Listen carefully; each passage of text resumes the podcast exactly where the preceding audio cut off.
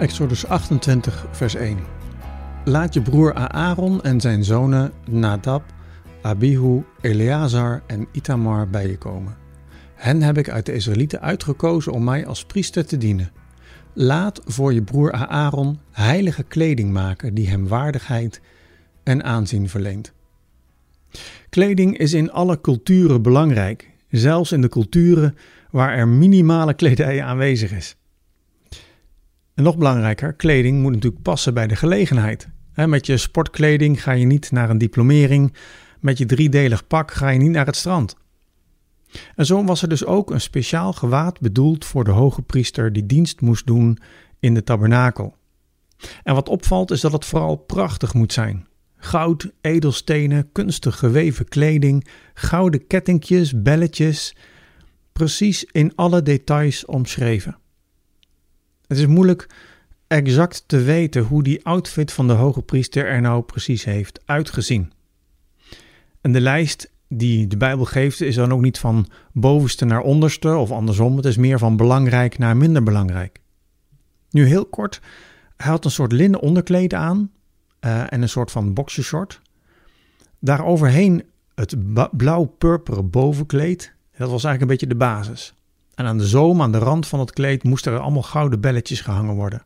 En over dat bovenkleed kwam een soort schort van voren en van achteren, die noemde je de efot. En op de schouderstukken kwamen edelstenen, twee keer zes, met namen van de stammen erop gegraveerd. En op de borst een soort borsttas, een stuk stof omgevouwen tot een soort ja, buidel. Ehm, en daar kwamen ook weer twaalf stenen aan de voorkant zetten met de namen van de stammen van Israël op gegraveerd. En Mozes krijgt hier twee redenen te horen waarom Aaron deze kleding aan moet. Allereerst geeft het hem waardigheid en aanzien. Hij is als iemand die strak in het pak uh, soms indruk kan maken. Of een vrouw in een prachtige avondjurk die indruk maakt. En zo moet ook de hoge priester indruk maken bij een bijzondere gelegenheid dat hij de tabernakel ingaat. Hij was de man die uitgekozen was om het heilige der heiligen binnen te gaan.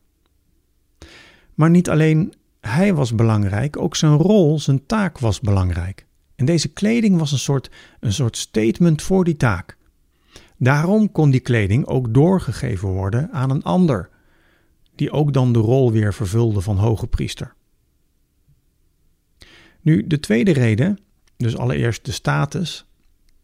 Tweede reden is dat er staat om hem heilig te maken. Vers 3b. Aaron was een zondig, kwetsbaar mens, net als de rest van het volk.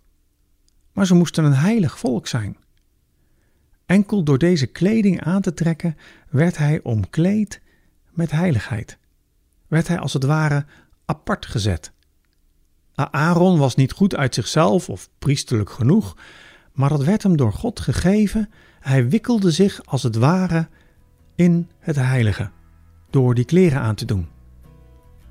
Dan is natuurlijk de vraag: wat zouden we vandaag nou nog kunnen met die beschrijving van die kleren van de hoge priester?